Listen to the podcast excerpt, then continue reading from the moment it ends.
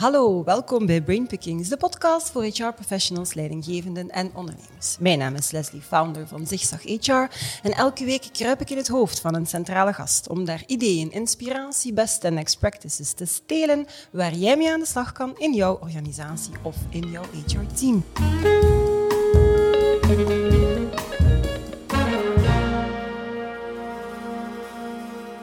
En vandaag mag ik in, uh, in het hoofd kruipen van Ellen van Hoof en Jonas Heuts, die samen met Tom de Wachter aan het roer staan bij Insilencio, experts in employer marketing. Het is ook niet alleen hun liefde voor employer marketing en recruitment marketing die ze gemeenschappelijk hebben, maar ook hun liefde voor de sport delen ze. Want als Jonas niet aan het werk is voor Insilencio, vind je hem op het voetbalveld, waar hij de Belgian Special Devils, onze nationale voetbalploeg, voor spelers met een verstandelijke beperking coacht. En Ellen die verloor haar en hockey, waar ze vrij lang op een vrij hoog niveau heeft gespeeld. En ik heb zelfs begrepen dat ze daar ook haar huidige man heeft ontmoet, die vandaag de dag op een waarschijnlijk nog hoger niveau speelt, maar dat zal ze niet graag horen. En die ondertussen ook de bondscoach is van het dameshockeyteam van Duitsland. Ik heb dus geen salonsporters bij mij, met andere woorden, die net zoals mij meer bezig zijn met de outfit dan met de fysieke inspanning. In ieder geval, als je wil weten hoe je je employer brand naar de next level kan brengen, blijf dan het komende half uur zeker kijken of luisteren, want ik ga samen met deze twee experts de trends overvliegen. En we gaan op zoek naar best en next practices om jouw candidate experience en employee experience te pimpen. Goedemiddag. Goedemiddag. Goedemiddag. Alles goed met jullie? Beetje spannend. Een maar- beetje spannend, altijd. Voor mij ook altijd. En wat de locatie, want dit is een schooltje. Hè? Misschien moet je daar precies toch iets meer over vertellen eerst. Waarom een schooltje? Goh, ja, waarom een schooltje? Misschien niet toevallig dat we ook onze eigen academie op hebben Mhm. gestart. Maar ehm, ja, dit was het ehm, gebouwtje dat hier al 15 jaar zijn we hier al gevestigd. En ehm, we hebben dat eh, de vijf jaar geleden wel wat gepimpt en wat omgeturnd. Maar eigenlijk ehm, zijn er nog wel wat ja, projectjes op de, op de agenda. ehm. Ja, en ik denk ook wel dat we zo'n beetje de spirit van, van onderwijs eh, ook wel willen behouden. Hè. Explo- exploreren, testen, bijsturen. Dus eigenlijk zit het ook wel een beetje in ons DNA. Oké, super. En binnenkort de Academy. Hè? Jullie hebben recent gelanceerd dat mensen ook hier ter plaatse de, de, de, alles, de, de, de, de, de belangrijkste elementen van employer branding en employer marketing gaan kunnen leren van jullie in verschillende modules. Dus weer iets om naar uit te kijken. Back to school, maar dan een beetje funner dan dat vroeger was misschien. Absoluut. Hopelijk. Oké, super. Ehm, misschien moeten we toch eerst en vooral beginnen. Hè. Wat is eh, employer branding? En jullie gebruiken ook en vooral de term employer marketing. Is dat dan, bedoel je daar hetzelfde mee? Hoe zou je dat omschrijven? Ehm, goh, eigenlijk is dat niet helemaal hetzelfde. hè. Voor ons, employer branding focust vandaag de dag misschien nog net iets te veel op de vraag hoe kunnen we een aantrekkelijk imago aanmeten of eh, in de markt bouwen. Terwijl wij eigenlijk dat debat heel graag willen verrijken met ja, hoe word je gewoon nog een betere werkgever. Een beetje analoog met hoe dat de, de klassieke marketing ook eh, vandaag de dag is ingesteld. Je gaat geen product op de markt zetten of beginnen promoten, zolang dat dat product zelf niet op punt staat. Dus employer branding is naar ons gevoel misschien veel te veel gefocust op de verpakking en iets te weinig op de inhoud daarvan. En vandaar dat we dat eigenlijk vanuit employer marketing van binnenuit willen beginnen bouwen, om op die manier eigenlijk ook een, een sterker product te kunnen vermarkten. Ja. Mooi, knap gezegd alweer, de skills naar, eh, naar marketing. Ehm, als we het dan hebben over, ehm, ja, ik blijf even bij de naam dan hangen, employer branding, maar ik spreek dan beter over employer marketing, als ik het goed begrijp, weet je, of- eigenlijk, zolang dat het maar niet een, een, een, eh, de schone schijn is, Ja, maar ja. dat de inhoud daarachter zit, maakt het voor ons eigenlijk niet veel uit welke term dat je daarop plakt. Dus laat het vooral los, Je, zou gaat, ik je zeggen. gaat niet boos worden als ik het blijf gebruiken. Maar eh, als we dan kijken in organisaties, ligt de verantwoordelijkheid voor dat beleid rond employer branding, dan ligt dat dan best volgens jullie bij HR, bij marketing, bij interne communicatie, nog ergens anders. Waar is, waar is de ideale plek volgens jullie? Ja, een goede vraag. Ik denk vanuit onze ervaring eh, merken we dat de, de initiële vraag heel vaak vanuit HR gesteld wordt. hè, omdat zij toch wel aanvoelen dat die vacatures moeilijk ingevuld geraken, dat kandidaten niet altijd goed weten inderdaad van waarom zou ik hier eigenlijk wel of niet komen werken, et cetera. Dus uh, de aanjager is vaak HR. En in een ideale wereld, en dat zien we ook al vaker en vaker, is ook in een, in een uh, combo met bijvoorbeeld marketing, die vanuit mm hun expertise ook wel natuurlijk een bijdrage kunnen leveren. Maar eigenlijk, um, ja, wie dat ook uh, de kaart trekt, maakt op zich niet zo heel veel uit, denk ik. Ik denk dat het belangrijk is om te gaan kijken van binnen die organisatie, wat is het draagvlak van employer marketing? Mm -hmm. en we weten denk ik allemaal dat, dat, als je mensen kunt engagen binnen je organisatie en dat zij ook een uithangbord zijn van je, van uw bedrijf, dat je op die manier ook een, een duurzame hefboom hebt naar ja, gewoon een, een, een bedrijf dat gezond is, dat floreert, dat gaat bloeien en groeien. Um, en vanuit die insteek is eigenlijk employer branding um, is bijna een evidentie dat dat eigenlijk in de hoogste niveaus van de organisatie ja. wordt gedragen. En als zij zelfs liefst van al de aanjager zijn en ook mee aan tafel komen zitten, mm -hmm. en als zij heel dat verhaal ook gaan versterken intern naar alle lagen binnen de organisatie, liefst zo diep mogelijk binnen de organisatie. En op die manier krijg je een cultuur dat employer branding weliswaar getrokken wordt door persoon X of team Y, mm -hmm. maar die vooral ook um, ja, onderbouwd en, en, en, aangejaagd wordt door uh, de directie binnen de organisatie. Yeah. Dus ik denk uh, dat, stel dat je HR-professional bent en geslaagd erin om dat echt als, als strategische prio op de agenda van, van, uh, van C-level te krijgen, mm -hmm. of van de zaakvoerder of wie dan ook, dan heb je al een hele grote stap gezet naar een zeer duurzaam en zinvol ja. uh, employer branding traject. Mm -hmm. Oké, okay, ja, duurzaam, want effectief, ik vermoed dat dat ook wel een misverstand is. Dat mensen zeggen, we gaan hier inderdaad een, er een mooie strik rond doen. En voilà, poef, hè, we zijn dan op die manier gewoon in de markt gezet. Maar het is, het is duurzaam, het is, het is een werk van toch wel langere adem, dat stapsgewijs zich gaat, ja, hoe moet je dat zeggen, um, gaat renderen. Ik zou zelfs ja. zeggen, het is een continu proces. Mm -hmm. Denk, de dag dat je denkt, ons werk zit erop, ja, mm. dat klopt niet. Nee, nee, nee. Oké. Okay. Um, als experten, 15 jaar ondertussen bezig, heb ik uh, begrepen. Wat is er de laatste periode, laat ons niet de laatste drie jaar, uh, want alles verandert natuurlijk heel snel, of, of, de laatste tijd, de laatste periode verandert op dit domein. Zien jullie zo een aantal heel grote trends die jullie wat kunnen uh, toelichten, zonder in de hypes te vervallen, uiteraard? Mm, um, ja, er zijn er toch wel een aantal. Um, mm -hmm.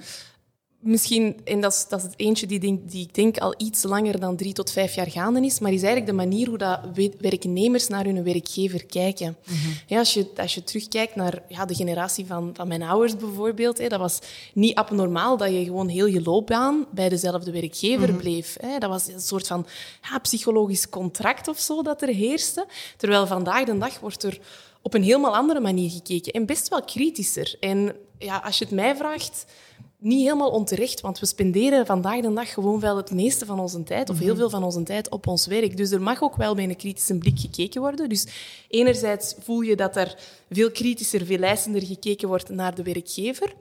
Maar langs de andere kant voel je ook dat de uh, werknemers veel meer zelfbewust ook worden. Mm -hmm. En veel meer zelfbewuste professionals die bewust keuzes gaan maken voor het een of misschien net niet voor ja. het ander.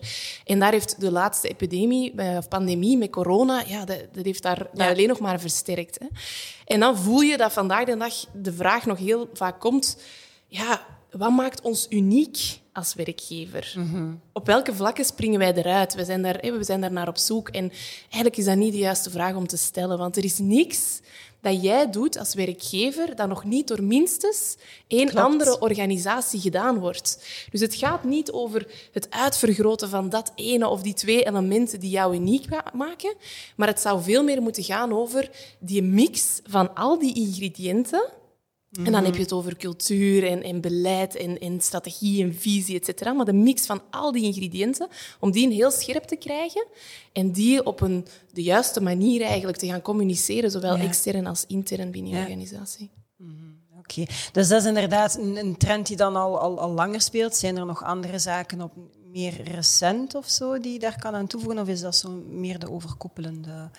Um ja. ja, ik denk nog wel aan eentje. Het is mm -hmm. uh, langs de ene kant een open deur intrappen, maar toch wel zo belangrijk dat we het moeten benoemen. Mm -hmm. Dat is alles wat met, met online uh, media en sociale media te maken heeft. Hè. Dus uh, medewerkers hebben nu, vergeleken met vijf jaar geleden, ook veel meer de kans om eigenlijk hun ervaringen te delen met de buitenwereld. Hè. Ik heb kerstcadeau gekregen, we hebben een teambuilding gehad. En dat zijn dan de positieve verhalen, maar uiteraard zijn er ook hè, soms negatieve verhalen. En dat is natuurlijk wel heel belangrijk als, als bedrijf of als werkgever, dat je daar een zekere positieve impact op kunt hebben. en, en ook een andere trend dat er een beetje bij aanleunt, is, is eh, alles wat met user reviews te maken heeft. We kennen allemaal de, de TripAdvisors en de, de Airbnbs van, van deze wereld. Ja, ik denk dat er geen enkele reden is om aan te nemen dat dat ook niet in employer branding landschap uh, intreden gaat vinden.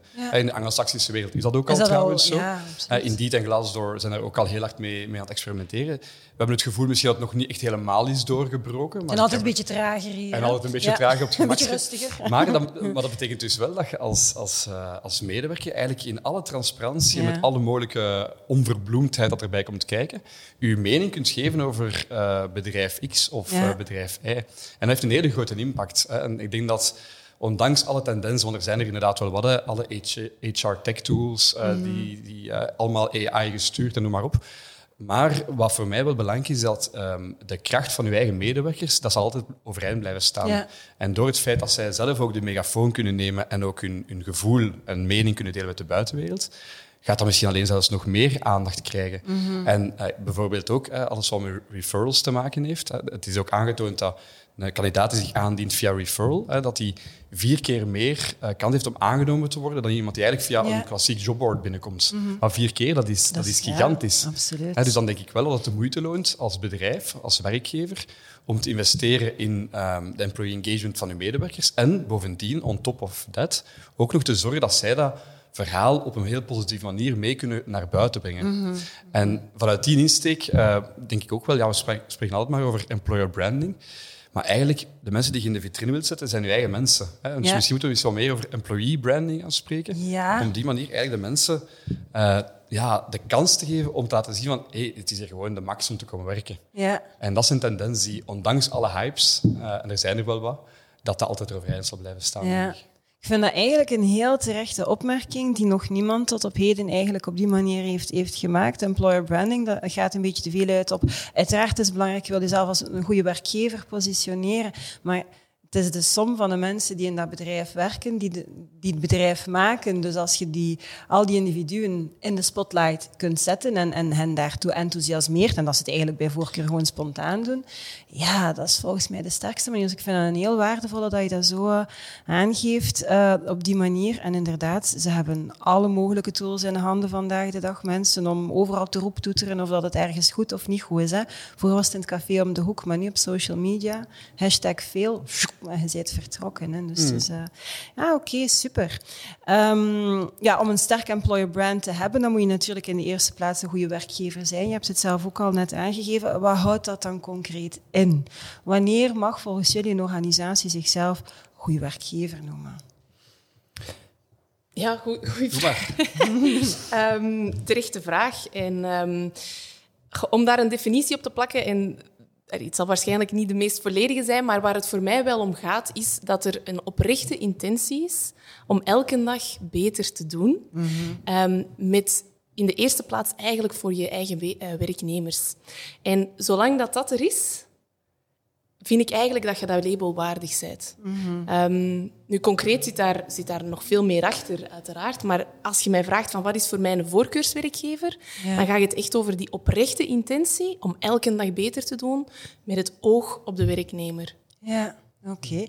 Ja. Heb je nog iets aan toe Ja, misschien omdat, Ellen zegt, ja, concreet uh, zit daar nog veel meer achter. Wat zit daar dan voor mij, denk ik, achter? En, en wellicht ook voor, voor heel uh, denk ik hier, is om te beginnen die, die luisterbereidheid tonen. Ik denk dat er dat de, de, intentie om echt oprecht benieuwd te zijn naar wat leeft er, wat speelt er bij de medewerkers, mm. zowel de goede punten, maar zeker ook de, de verbeterpunten echt goed te pakken te krijgen, dat daar al een hele grote stap mee gezet is. En wat wij ook vaak merken is dat Um, dat dat soms wel angstaanjagend kan lijken voor uh, managementteams. Want die zeggen van ja, maar ja, dan gaat er van alles naar boven komen en dan ja. verwachten ze dit en dan verwachten ze dat. Maar eigenlijk, onze ervaring leert ons dat dat wel nog meevalt. Hè. Ik denk dat het vooral uh, zaak is om daar naar te luisteren, maar dan ook in alle openheid en een stukje kwetsbaarheid ook te durven zeggen van ja, we zien al die verbeterpunten hier staan, maar we moeten even realistisch zijn. Dit is op dit moment niet allemaal haalbaar. We gaan mhm. kleine stapjes zetten en we gaan laten zien dat we het menen.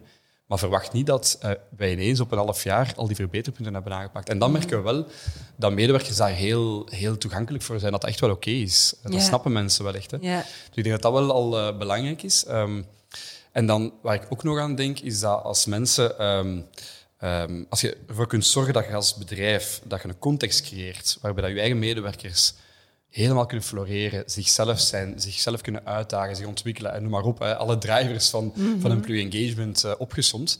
Um, dan zeg je eigenlijk een employer of choice. Um, ja.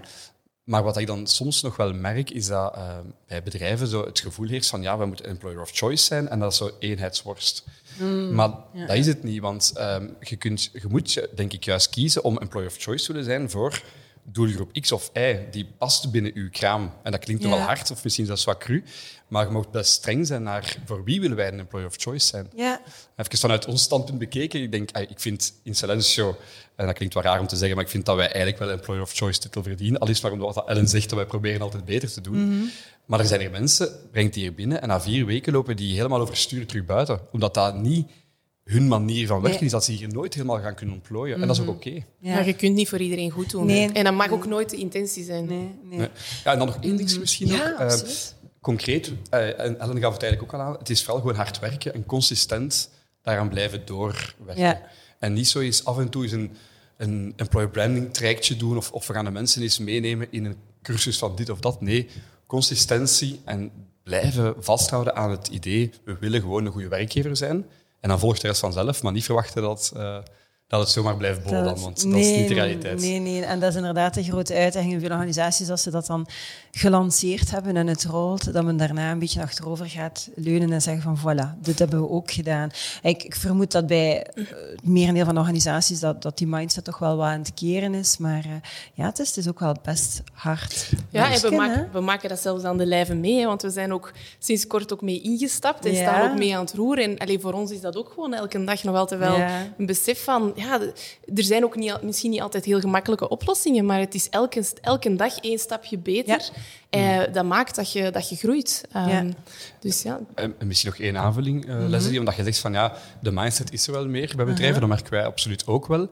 Maar het vertalen van die mindset in concreet actie, mm -hmm. we gaan dat blijven volhouden. Ja. Dat is, dat is dan meer discipline. Hè? Dus ja. er verschil ja. tussen die twee, denk ik. En ja. uh, die gap zit er soms wel nog in, merken wij. Mm -hmm. Discipline en dat het niet altijd hoog genoeg op de prioriteitenlijst mm -hmm. staat. Ik denk dat de context daar sowieso ook wel mm -hmm. gaat bij helpen. Op een krappe arbeidsmarkt heb je sowieso hè, wat, wat, meer uh, druk op de ketel. Um, en effectief, ja, als je een sterke werkgever bent, dan, dan durf ik zeggen, dat werkt dan echt wel als een magneet. Het moet inderdaad wel klikken, hè, maar mensen gaan zich sterker aangetrokken voelen door uh, bepaalde bedrijven. Dat is een must, zeker op een krappe arbeidsmarkt, waar we vandaag de dag in zitten. En dat brengt me dan natuurlijk bij de candidate uh, experience. Kunnen jullie misschien een aantal heel concrete tips delen hoe dat je die candidate experience tot een groot succes kan maken? Um, en misschien ja, vertrekkende vanuit de, de, de meest gemaakte valkuilen of, of, fouten die jullie toch al af en toe eens uh, zien gebeuren. Mm -hmm. Ik zal beginnen, ja. Uh, ja eentje waar, ik, waar ik aan denk is, is um, we noemen dat dan zo een beetje uh, smalend uh, spray and pray. Mm -hmm. uh, wat we mee bedoelen, van ja, veel bedrijven um, doen met, ja, uh, met heel veel campagnemiddelen en alles op en eraan, uh, brengen dan naar buiten van hey, kom bij ons werken. En op zich, voor alle duidelijkheid, daar is niks mis mee. Hè. Ik denk dat dat ook soms wel nodig is als er een uh, grote behoefte is voor bepaalde profielen, et cetera. Dus we willen dat zeker niet gaan minimaliseren of, of wegduwen. Maar ik denk wel dat er daarnaast een andere manier van employer branding dient te komen, en die ook al aan het komen is, voor alle duidelijkheid. Uh, wat dat we dan, uh, marketeers zouden dat dan digitale inbound marketing noemen. Uh, mm -hmm. Moeilijke woorden. Uiteindelijk waar komt het op neer, is dat je als bedrijver ervoor kunt zorgen dat je um, content aanbiedt aan bepaalde doelgroep, die voor hen zo relevant is en boeiend is om hen te laten groeien als professional. Mm -hmm. Waardoor dat je eigenlijk een soort van ja, community gaat opbouwen van mensen die niet per se bij je werken, misschien ook nog die, die intentie mm -hmm. tonen, maar die wel geconnecteerd zijn op een of andere manier met wat dat je doet en hoe dat je, uh, ja, welke, welke content dat je aanlevert.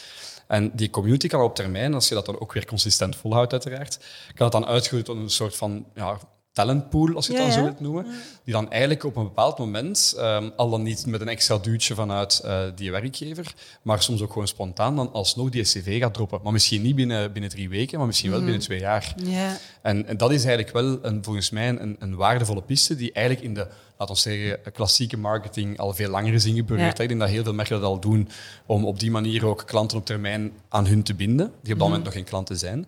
Maar ik denk dat dat ook wel iets is dat in employer marketing echt wel meer aandacht verdient. En, en ik denk als we deze, uh, deze podcast binnen drie, vier jaar opnieuw zouden opnemen, mm. dat we dan eigenlijk zouden zeggen van ja, dan zou ik het niet meer benoemen als trend, denk ik.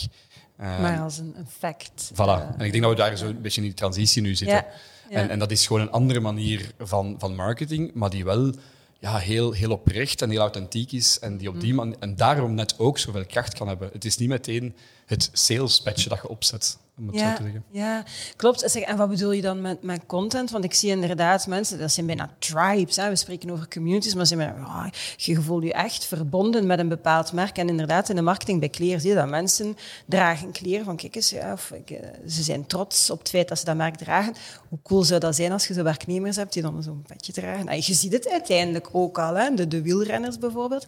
Wat is content? Is dat dan, zijn dat verhalen? Zijn dat, wat moet ik mij daarbij bij voorstellen? Content die ze aanbieden, zodanig dat mensen zich verbonden voelen. Ik denk als ik dan aansluit op mijn antwoord van daar juist, Mhm. als het dan gaat over content voor zijn inbound marketing, ehm, dan, dan gaat het voor mij vooral over ehm, inspiratie delen. Hè, dat je eigenlijk Mhm. ervoor zorgt, pak nu bijvoorbeeld, je bent een, een grote organisatie met een hele grote tak IT, Mhm. ja, dan kan het zinvol zijn om na te denken over hoe kunnen wij een community bouwen waarbij dat IT-professionals in, of in een bepaalde tak binnen IT eigenlijk zoveel boeiende, leuke content vinden vanuit dat platform zelf, maar ook van elkaar. En eigenlijk Ja. op die manier, zonder dat ze het eigenlijk zelf goed en wel beseffen, beginnen te connecteren met dat bedrijf. Ja. Eh, en dus dan gaat dat voor mij vooral over inspiratie. Mhm. Als het gaat over content, natuurlijk dat je nodig hebt om echt puur campagne te gaan voeren van hey, we hebben Ja. nodig, dat is een ander verhaal. Ja, ja, hè. Maar content in dit stuk van het verhaal, denk ik dat dat vooral inspiratie moet bieden. Inspiratie en waarde. Ja, waarde, Eh, om, om inderdaad met elkaar te gaan uitwisselen op het platform of, of gelinkt of gelieerd aan, aan het bedrijf. En zo creëert je effectief ja, meer een, een, een poolstrategie, gelijk dat we dan in marketing in plaats van door de mensen een strot, een campagne gaan duwen, maar dat,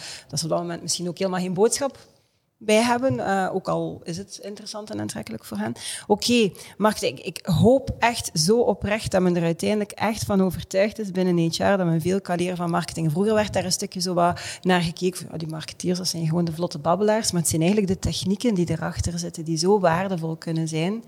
En ja, waar, er, eh, waar er toch een, eh, een evolutie in is. Zijn er nog zaken, eh, nog fouten of, of valkuilen in, in de candidate experience die jullie, wat jullie spontaan aan denken? Ja, ik denk, als we dan, daar juist sprak Jonas ook over employee branding en dingen in Mhm. de etalage zetten. We hebben vaak de neiging om dingen in de etalage te zetten die goed zijn.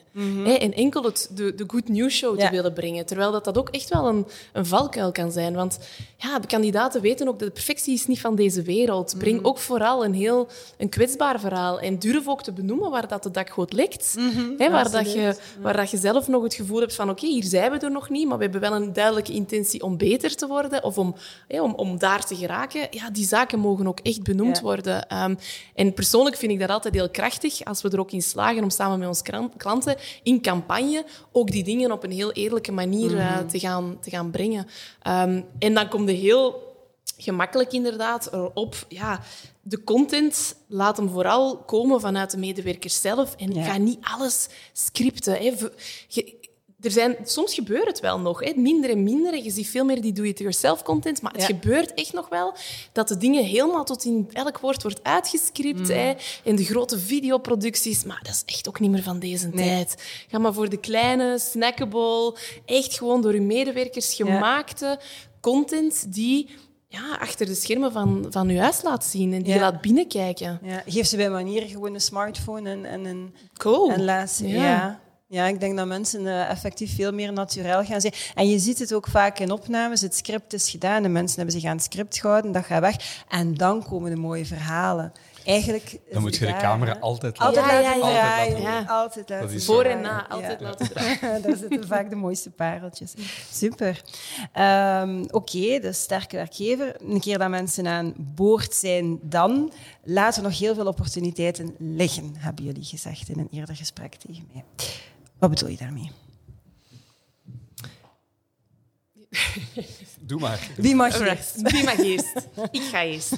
Ehm, nee, klopt. Hè, Ik, ehm, goh, als het dan gaat over de employee experience, dan komt er heel vaak het buzzword employee engagement. hè, komt dan ook mee tevoorschijn. En ja, dan stelde de vraag, wat is dat eigenlijk? Ehm, en wij houden wel van de definitie door een zekere Kevin Kruse gezegd. Die zegt dat eigenlijk employee engagement de emotionele betrokkenheid is van de werknemer bij de organisatie en bij de doelen van die organisatie.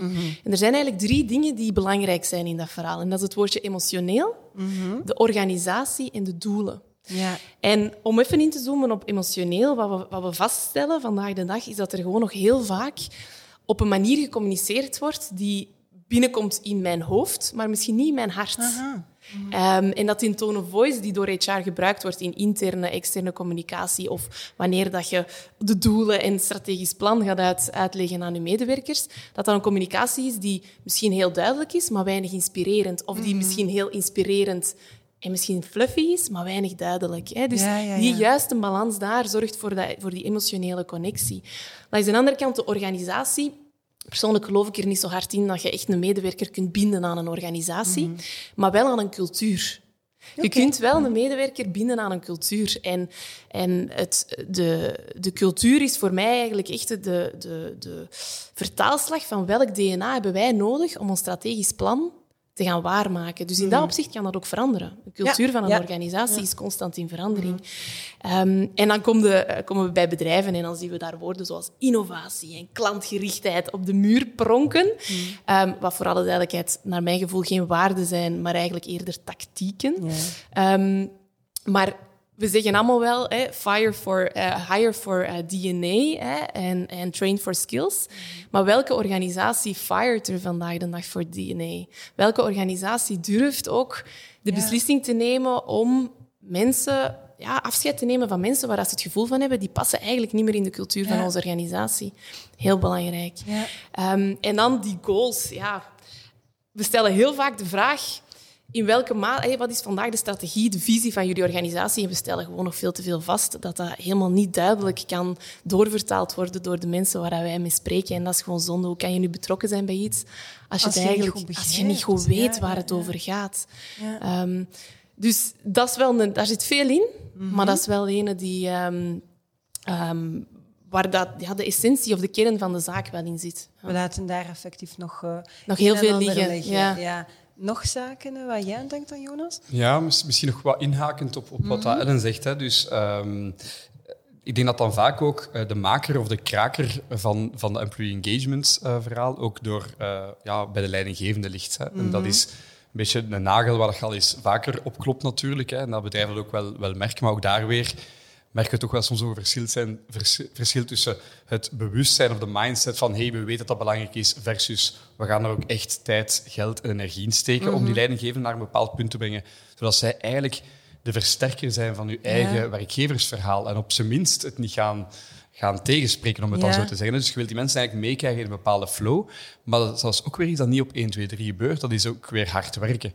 En ik denk, als je daarin slaagt om die, die leidinggevende mee de taal te laten spreken van, van de organisatie, die cultuur mee te laten uitdragen, eh, als je hen ook kunt brengen tot het punt dat zij hun eigen teamleden kunnen, kunnen laten inzien welke bijdrage dat zij leveren aan het halen van die doelstellingen, welke bijdrage dat die leveren aan het halen van die, eh, om het dan met een buzzword te zeggen, de purpose van de organisatie, dan heb je wel een hele grote stap gezet. Ja. En ik merk ook wel vaak als we over, over eh, leiderschap babbelen binnen organisaties, dat, dat mensen dan ook vaak een beetje weerstand beginnen te vertonen. En niet onterecht, snap ik wel. Want eh, alles wat met zelfsturing te maken heeft, of alle andere synoniemen dat daarvoor gebruikt worden, eh, is dat ook wel een tendens eh, die natuurlijk de laatste jaren heel hard in, in, in zwang is. Maar ik denk dus wel dat dat nog altijd van tel blijft. Hè. Ook binnen een zelfsturende organisatie gaat je altijd mensen hebben die je als eh, management eh, altijd nodig hebt om eigenlijk die versterkende factor te spelen Ja. naar de rest van het team, zonder dat ze daarmee het, het, het formele label krijgen van hey, je bent een leidinggevende, je moet dat doen. Nee, mensen die dat willen doen, die gaan het ook doen als ze daartoe gestimuleerd en ondersteund Ja. worden. En als ze dat zelf helemaal goed begrijpen en, En als- geloven. Voilà. Ja, ja. Dus dat, en ik denk dat dus, ondanks het feit dat zelfsturing, en daar heb ik ook, ah, ben ik wel best van overtuigd dat dat binnen vijf à tien jaar ook echt wel nog veel meer ingeburgerd Mhm. gaat zijn. Er zijn nu al bedrijven van, van 10.000 mensen met duizend zelfsturende teams die eigenlijk geen overhead-functies Mhm. meer hebben, hè, waar geen een HQ meer is, bij wijze van spreken. Dus het kan. En in zo, ook in zo'n organisatie gaat je dan de natuurlijke leiders, en iedereen vertoont, Ja. leiderschap op zijn of haar manier, die ga je moeten detecteren en ergens ook die rol kunnen meegeven zonder dat officieel mandaat van N plus 1, om het dan even Ja. zo te zeggen. Want daarmee eh, toon je eigenlijk, of, of, of, of eh, interpreteer ik eigenlijk een verschil tussen je hebt de leider en dat leiderschap dat inderdaad iedereen kan tonen en een leidinggevende die effectief vanuit de functie zo benoemd wordt en die titel draagt. En ik vind ook dat er al een Ja. verschil is tussen manager en leidinggevende Ja, trouwens ook. Hè. Ja, ook. Daar is ook een, een mooie boetade van trouwens, hè, dat managers doen de dingen juist En leiders doen de juiste dingen. en het is Ja. zo simpel als iets, maar eigenlijk zit er wel een grond van waarheid in. Absoluut, ja. En er zijn er ook nog een aantal grapjes, maar daar gaan ze verder. Dat is vooral de camera rondsnel. Oké, Ehm, super. Eh, Jonas, ga even bij, bij jou blijven. Je vindt het vreemd dat eh, HR een retentiebeleid heeft. Eh, omdat volgens jou retentie eigenlijk gewoon het gevolg is ja, van gans uw HR-beleid. Ik vind het belangrijk, eh, ik zou graag dat je daar even toelicht. En ook, wat ik mij dan afvraag, een bedrijf waar dat de retentie laag is, is, is dat dan per definitie eh, slecht of goed bezig? Of, of, hoe, hoe moeten we dat gaan interpreteren?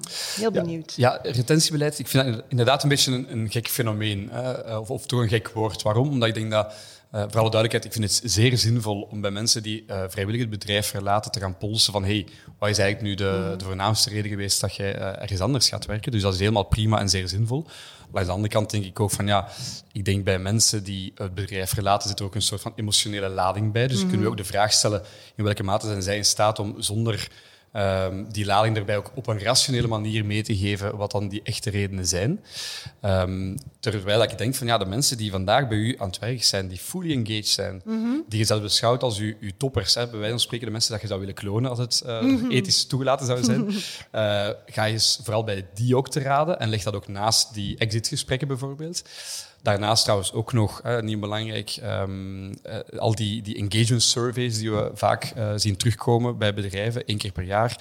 Heel veel vragen. Het duurt dan bij wijze van spreken drie maanden voordat alles verwerkt wordt. En Ja. eigenlijk heb je de boot al gemist. Ja. Bovendien kijken mensen op dat moment eigenlijk alleen maar naar de vorige twee, drie maanden bij het invullen van zo'n survey. Mhm. Dus ik zou zeggen, weg ermee met die zware surveys, maar wel frequente pool surveys Mhm. om de twee, drie maanden. Veel minder vragen, simpel to the point, want dan kunnen we wel als werkgever veel beter die een tendens in de gaten Ja. houden. Hè, Dus om maar te zeggen, er zijn heel veel middelen om inderdaad te pakken te krijgen. Wat vinden mensen nu eigenlijk van ons bedrijf als werkgever? Eh, en op basis van die zaken dat je daar uitfiltert, kun je eigenlijk ook je actieplannen gaan, gaan neerzetten. Ja. En dat is voor mij je employee engagement beleid, dat eigenlijk enerzijds heel duurzaam is, maar anderzijds ook bijna dagdagelijks wordt bijgestuurd op basis Ja. van een input dat je overal krijgt. Ja. Dus in die zin denk ik inderdaad van ja, retentiebeleid, op wat slaat dat eigenlijk? Want je moet eigenlijk gewoon bij de kern van de zaak gaan. Je moet gewoon zorgen dat de mensen... Ah, gewoon, ik zeg gewoon, Dat mij bewust van het feit ja. dat, het, dat het een super moeilijke op, opdracht is.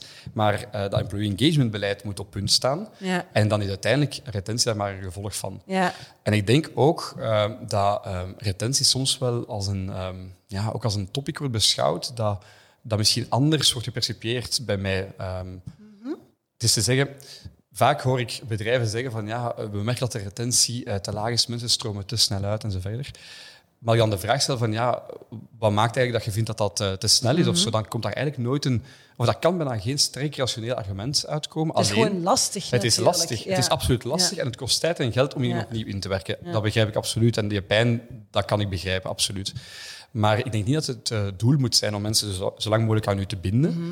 Eh, Ellen gaf het eigenlijk ook al een beetje daar juist aan. Van, ik denk dat het ook niet meer realistisch in deze Mhm. tijden. Het, en het is zelfs niet zinvol, denk ik. Ik denk dat elk bedrijf op één op een bepaald moment binnen de, de, de, de fase dat je doormaakt als organisatie, ehm, echt wel gebaat is bij een frisse blik van buitenaf. Mhm. Hè, van mensen die erbij komen en die even vanuit een afstandje kunnen kijken van hey, hoe lopen de zaken hier? En die kunnen echt wel een vernieuwing binnenbrengen ehm, die je ook nodig hebt als organisatie. Dat is trouwens ook onderzocht dat mensen die ergens nieuw starten, die eerste zes maanden moet je echt alles daaruit halen. Want dat, zijn, dat is de, de fase dat de mensen de beste nieuwe ideeën naar voren brengen, Ja. omdat zij nog onbevoordeeld die een blik Ja. kunnen, kunnen... Ze kennen de beperkingen en de regels nog niet goed genoeg. Ja. Zeg, want ik, ik vind dat wel een interessante ehm, naar retentie. Uiteraard gaan organisaties er naar streven om mensen zo lang mogelijk bij zich te houden, omdat het makkelijk eh, is omdat het moeilijk en lastig is om, om, om nieuw talent aan te trekken. Wil, wil dat dan per se zeggen, of, of mag, ik, mag ik concluderen dat elk bedrijf om de zoveel tijd eigenlijk moet... Nee, niet om de zoveel tijd. Ik ga mijn vraag anders formuleren.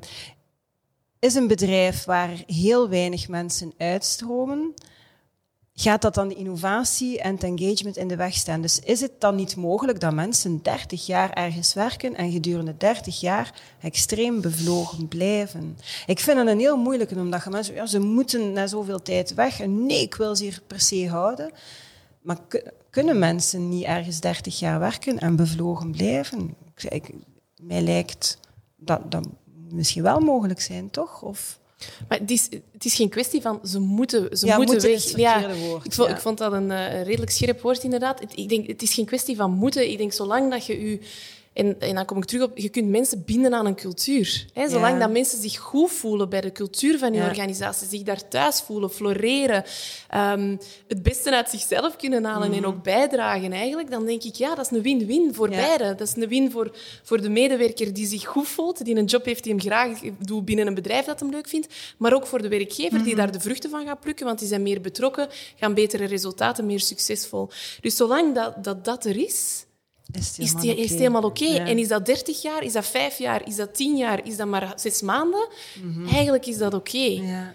Maar, en dan komt het echt wel op, op, ja, op, op, op cultuur en DNA. En dan heb je het over concreet gedrag. Hè? Want Ja. cultuur is, die gaat natuurlijk over welke de collectieve eh, samenkomst van allemaal gedragingen van al uw medewerkers. Dus ja, ik denk dat daar eerder om draait voor mij. Minder om, om de tijdsduur of zo. Ja, ja. Ja. Nee, nee, klopt. Ik denk dat, eh, dat is misschien de kern van de zaak, Ellen, wat dat gaan haalt. Eh, Retentie wordt nu, naar mijn gevoel, nog vaak beschouwd als we willen mensen zo lang mogelijk aan Ja, ons binden. als En ik- doel. Ja, Ja. voilà, als doel Ja. op zich. En voor alle duidelijkheid, ik merk ook wel dat er al veel tendensen zijn die, die daar Mhm. toch wel iets genu- genuanceerd naar uit eh, of, of naar kijken.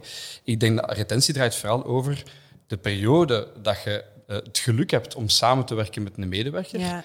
Moet je er alles aan doen om die zo engaged mogelijk te maken. Ja. Want per definitie, je stapt ergens binnen, je hebt een handtekening gezet, je mag ervan uitgaan, hopelijk in de meeste gevallen, dat die persoon fully engaged is. Mhm. Hè, Wat is uw doel dan, of uw, uw missie zelfs misschien als, als werkgever, om die persoon zo lang mogelijk engaged te houden. En als die dat dan 30 jaar op die manier uitzingt en jij blijft daar als werkgever inspanning voor doen dat dat, dat, dat zo blijft, Ja. fijn, keigoed. Ja. Maar anno 2021 zie je het gewoon wel minder vaak gebeuren. Ja, en dan is het gewoon zinvoller voor beide partijen, vanaf het moment dat je voelt van oeh, dat engagement is toch stilletjes aan wel wat aan het, aan het zakken, om god weet welke reden. Ja, dan is het misschien het moment om eh, inderdaad nieuwe horizonten op te zoeken. Ja. En dan is dat voor iedereen veel beter. Ja, en op zijn minst inderdaad bespreekbaar Absoluut. te maken. Hè? Want dat gebeurt, je voelt het eigenlijk wel, maar je benoemt het niet. Ja. Oké. Ja, ik, ik onthoud ook dat ik het woord moeten niet zoveel mag gebruiken. Maar ik wou een Maar ik beetje challenge. Ja, ik heb het persoonlijk Ja. ook moeilijk. Moet ik moet, ik niks. moet juist niks. heb daar t-shirts van, hè? Je moet niet moeten zeggen, Leslie. Oké. Ehm, employer branding, eigenlijk is dat niet zo moeilijk, eh, zeggen jullie. Je moet gewoon je gezond boerenverstand hè, gebruiken, dat zal wel. Maar zet ons een keer concreet op weg. Wat is het eerste dat een HR-professional volgens jullie, behalve jullie bellen, denk ik dan, moet doen? Wat zijn ultieme tips of takeaways dat je nu, nu echt kunt zeggen aan iedereen die kijkt of luistert van, bon, daar komt het hem dus op neer. Want gezond boerenverstand, veel mensen gebruiken dat niet, of hebben dat misschien niet. Hè? Ja, misschien eerst even, voordat we misschien naar wel wat tips kunnen gaan. Ehm, eh, je zegt zo met een kwinkslag van eh, ze moeten ja, terug naar jullie bellen. Ja, nee, ik denk het niet per se. Ik denk gewoon als... als eh, Oké, ze moeten niet bellen. Ja, ze, mo- ze mogen. Ze, mogen, bellen. Nee, nee. Ze, ze mogen bellen, uiteraard. Hè. Eh, maar nee, ik denk dat als je er als HR-professional in slaagt, dan val ik eigenlijk een beetje terug op wat ik daar straks al zei, om dat als topic, als strategisch belangrijk topic op een agenda van, van management en directie te krijgen, dan, dan heb ik er vertrouwen in dat die intentie en die draagkracht zo groot is, dat eigenlijk alles vanuit dat gezond boerenverstand ook wel kan komen. Ja. Natuurlijk, er zit wel wat meer achter, maar daar start het wel mee. Want anders, eh, eventuele tips dat wij nog zouden meegeven, maar je hebt die eerste stap niet kunnen zetten. Ik kan niet zeggen dat het een druppel op een hete plaat is, dat zou misschien net iets eh, overdreven zijn, maar er zit wel toch iets in dat je eigenlijk Ja. wel gewoon met de start moet starten. Ja, Maar er zit ook gewoon heel veel wijsheid in je eigen organisatie. En ik denk dat... absoluut. Ja, ik- maar ik heb vaak wel het gevoel van, eh, misschien heeft dat dan te maken met moeten ze ons bellen. Nee, er zit heel veel wijsheid in je, eerst, in je eigen organisatie en ga daar ook naar op zoek. En, en ga luisteren om te begrijpen. Hè. Er wordt nog heel vaak geluisterd om direct met oplossing, maar ga eerst luisteren om te begrijpen en zet uw medewerkers samen, ga hen bevragen, ga op zoek gaan naar, oké, wat is die mix van ingrediënten die ons maakt tot wie dat wij zijn? Ehm, en ga van daaruit dan bepalen van oké, wat, wat is ons actieplan? Wat is onze strategie? Waar willen we ook naartoe? Waarom doen we eigenlijk aan employer branding? Ja. Wat is de pijn die we willen weghalen? Ook zo'n hele belangrijke. Van, zet dat in het begin heel duidelijk, heel scherp van welke KPI's willen we daarmee Ja. halen. Ehm, en als je die twee stappen al neemt, hè, enerzijds dat ervan uitgaan van oké, de wijsheid zit en de kracht zit, zit echt bij onszelf en binnen onze eigen organisatie. En daar zitten ook de oplossingen. We moeten vooral gaan luisteren om te begrijpen. En van daaruit kunnen we dan gaan voortbouwen. Ehm, en in tweede instantie, ehm, die, die, dat, ja, die concreet, dat concreet actieplan, hè, die, die stap voor stap gaan bouwen, dat is een lange termijn. Dat moet niet denken van oké, we gaan dit jaar en dan ligt het er. Nee, dat is een lange termijnplan um, met KPI's die je constant aan het meten zijn en aan het bijsturen zijn, waardoor dat je ook, want ook voor ons, hè, het is geen exacte wetenschap, ook wij leren elke dag bij en komen nog altijd in situaties bij organisaties dat we ook soms denken van oké, in die andere organisatie is dat wel gelukt, hier lukt dat niet. Hoe komt dat? hè? dus ook daar constant aan meten, dat bijsturen, um, maakt dat zo'n plan slaagt. Um, Ja, maar het begint effectief bij luisteren. En ik kan me inbeelden dat heel wat mensen, HR-professionals en organisaties, wij luisteren al. Ik denk inderdaad dat ze al meer luisteren dan vroeger, zeer zeker maar luisteren met de bedoeling, wat jij zegt, om te begrijpen, in plaats van luisteren om ze dan toch te kunnen overtuigen om mee te pakken in het verhaal dat ze eigenlijk zelf al wel uitgedokterd hebben, met de beste bedoelingen, vanuit een bubbel heel vaak. Ik vind dat een, een ja, een, een heel belangrijke ja, basis om mee te beginnen. Onbevooroordeeld daarin stappen. En pas op, dat is niet altijd makkelijk als je zelf ook al 30 jaar binnen de organisatie of 10 mhm. jaar binnen de organisatie werkt. Um, maar onbevooroordeeld in zo'n gesprekken stappen met jouw medewerkers. Um, en vooral ook niet alles via surveys gaan doen, maar ik denk mhm. ook echt het gesprek aangaan, gaan doorvragen, op zoek gaan naar die nuances. Wat zit daarachter? Welke woorden gebruiken mensen? Ja, welke, emotie zit daar ook? Ja. Um, om dat echt goed te gaan begrijpen en van daaruit eigenlijk te starten in, in, in, en, uw, en uw plannen eigenlijk op te gaan bouwen. Ja. Ik vind het wel een hele waardevolle. Ik nog even wil versterken van, van die surveys. Hè. Ik ben vooral mm. duidelijkheid een grote fan van korte, krachtige surveys om de zoveel tijd. Uh, maar ik denk, wat, wat, ik vaak hoor en ook zelf vaststel, is dat cijfers u wel een blik geven op uh, wat is er. Uh-huh. Maar door met mensen te gaan babbelen, ontdek je de waarom. Hè. Wat zit daar inderdaad allemaal achter? Ja. En het is die combo echt dat tot de magie leidt. Um, en en we, we, merken, en ik snap dat ook hè, in grote bedrijven, uh, ze hebben al vaak die surveys, hè, er is dan survey-moeheid en, en zo verder.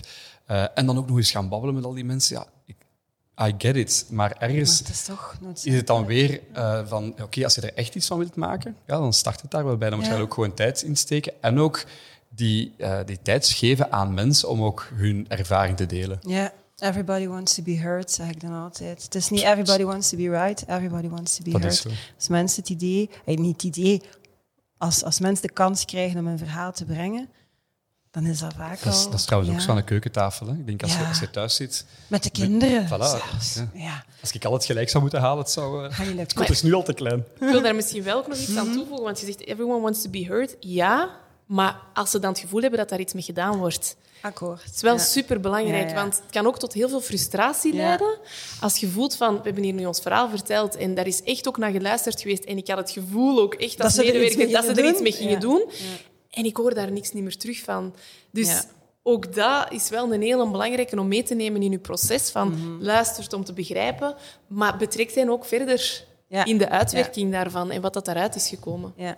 Klopt, en betrekken in de zin van letterlijk laten participeren. Hè? Want als je dan eigenlijk ook de verbeterpunten samen met de mensen die input hebben gegeven kunt aanpakken en eigenlijk in een soort van co-creatiemodus mm duiken. Bijvoorbeeld vanuit HR, een, een afvaardiging vanuit management en een aantal mensen die zich hè, als, als spreekbuis opwerpen, mhm. eh, of zeg maar het parlement van, van, van, uh, van de teams. Mhm. ja, dan heb je een, een hele... Het parlement van de teams, oké. als je, als je dat, dan heb je een hele mooie combo om eigenlijk vanuit elk uh, invalshoek die wijsheid ook echt samen te krijgen. Ja. Oké.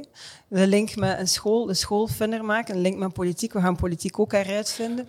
Dat zijn straffe ambities. Dat mag jij dan gaan doen. ik blijf, daar, nog, ik blijf, daar, nog, ja, ik blijf daar nog even van weg. Mm, goed, maar het is, het is, inderdaad een mooie beeldspraak. Mensen begrijpen direct wat je, wat je ermee bedoelt. Tot slot, een uitsmijter. Het boek dat HR-professionals volgens jullie gelezen moeten hebben als ze zich willen verdiepen in employer marketing. Of dat kan, weet ik, vind een, een, een podcast of een YouTube-filmpje of een film zijn. Um, wat is dat boek volgens jullie? En dan misschien een, een tweede deel van een uitsmijter. Welke bedrijven in binnen- of buitenland moeten ze moet, we gaan niet het woord gebruiken. Zouden ze, best, zouden ze best, ik ben een lunatic, hè, zouden ze best kunnen volgen om meer inspiratie te vinden, om, om, om, om daar energie en, en ideetjes uit uh, te halen? Ja, ik, ik heb, jij, jij, een boek en ik een bedrijf? ik, ik, heb, ik heb ook wel een uitgesproken mening over een bedrijf. Dus um, mm -hmm. ja, nee, het, het, kan misschien zelfs... Uh, ehm, arrogant of op zijn minst onbescheiden Als zijn klinken. eigen bedrijf. Maar, maar effectief, eh, het is juist het, is het tegenovergestelde, want het is met heel veel eh, openheid dat ik het zeg.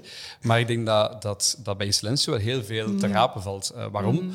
Voor alle duidelijkheid dus niet omdat wij pretenderen dat wij alle wijsheid in pacht hebben en dat, dat hier allemaal op, op wieltjes loopt. zeker niet. Maar wel omdat wij natuurlijk vanuit onze métier daar zo mee begaan zijn en eigenlijk die uitdaging ook continu willen aangaan om daar ook heel scherp in te blijven en ook telkens nog meer een employer of choice te worden. En dat is een, een proces uh, met, met vallen en opstaan. Hè, als tegen de muur lopen, dat is ook een stukje dat, hè, dat schoolste dat er al in zit, van we gaan exploreren en we gaan testen.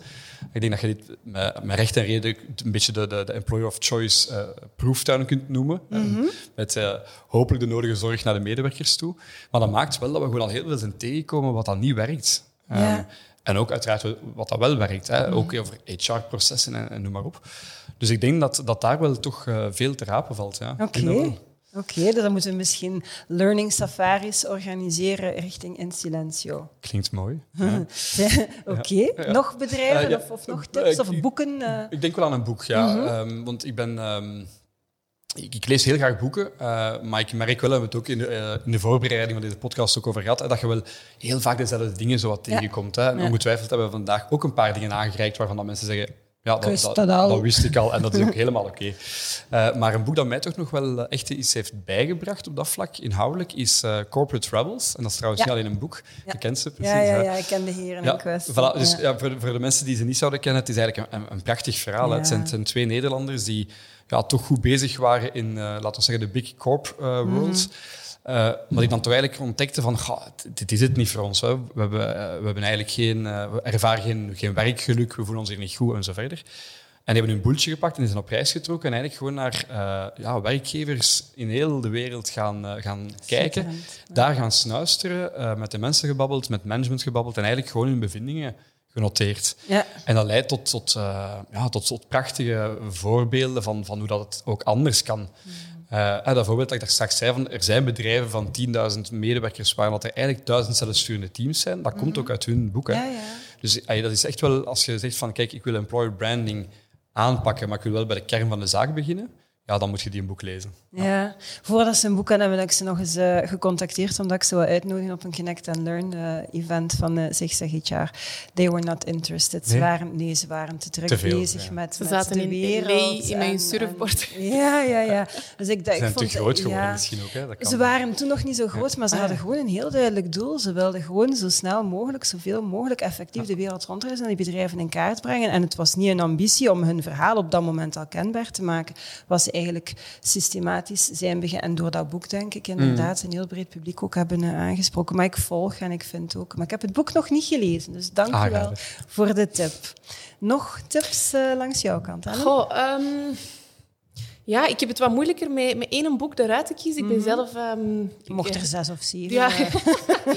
um, nee, maar misschien eerlijkheid gebiedt mij ook te zeggen dat ik vandaag de dag niet heel veel tijd maak, ook niet, om, om, mm -hmm. uh, om veel te lezen. Uh, twee kleine kindjes, een man vaak in het buitenland. Maar wat aan mij wel gewoon... In, in, ik word eigenlijk dagelijks geïnspireerd in mijn job ook wel. En mm -hmm. een van de leukste dingen die ik vind aan het werk dat wij doen, is zoveel verschillende bedrijven leren kennen ja. zelf. En het zijn vaak ook de, de misschien minder gekende spelers of de spelers waar dat je, met de grote namen waarvan dat je weet, de Googles en dergelijke, mm -hmm. ben ik ook op bezoek geweest en daar verwachten dan veel van. En dan zie je wel van, oké, okay, ja, ook wel cool. Maar het zijn vaak die, de bedrijven met de minder bekende namen die u zo weten verrassen, waardoor dat ik gewoon meer en meer ben overtuigd geraakt van, ja, nogmaals, die wijsheid bij ieder van ons en ook die inspiratiekracht zit ja. echt wel bij, bij gewoon van binnenin.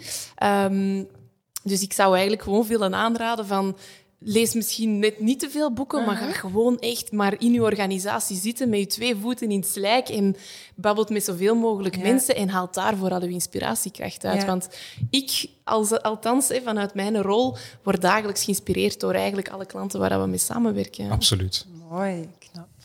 Super, ik denk dat we met zo'n uh, een, een, een, mooi statement podcast kunnen uh, afsluiten. Dan wil ik, uh, tenzij dat jullie nog iets mega belangrijk de wereld willen insturen. Famous last words. Ik voel een beetje twijfel. Ik voel een druk al komen. Als, ik- als ik Het is nu iets ga zeggen, dan moet er wel boek op zitten. Nee, ik ga het hierbij laten. Het Ik sluit mij daarbij aan. Nee, ik, eh, ik vond het leuk om te doen. Dank je wel Ja, trouwens. nou, Idem, ik vond het ook eh, heel fijn om, eh, om in jullie hoofd te kruipen, dus dank je wel ehm, daarvoor. Graag en gedaan. nog veel succes met de Academy en de vele andere projecten en met Insilencio uiteraard. Dank jullie Merci. wel. Eh dank je wel ook eh, aan jullie om te, om te kijken of om te luisteren. Vond je deze podcast fantastisch, dan moet je dat natuurlijk aan zoveel mogelijk mensen verder gaan vertellen. Vond je In Silencio best fantastisch, wel ga dan zeker eens naar die website gaan kijken. Dan ga je ongetwijfeld geïnspireerd geraken door de vele content, inspiratie en verhalen die daar te grijpen eh, vallen. En als je benieuwd bent naar Zigzag HR, het allerbeste dat je kan doen natuurlijk is een abonnement nemen op ons fantastisch tijdschrift. Het aller, aller, allerbelangrijkste weten jullie al lang, blijf het herhalen. It's a great time to be in HR. Tot de volgende. Thank you.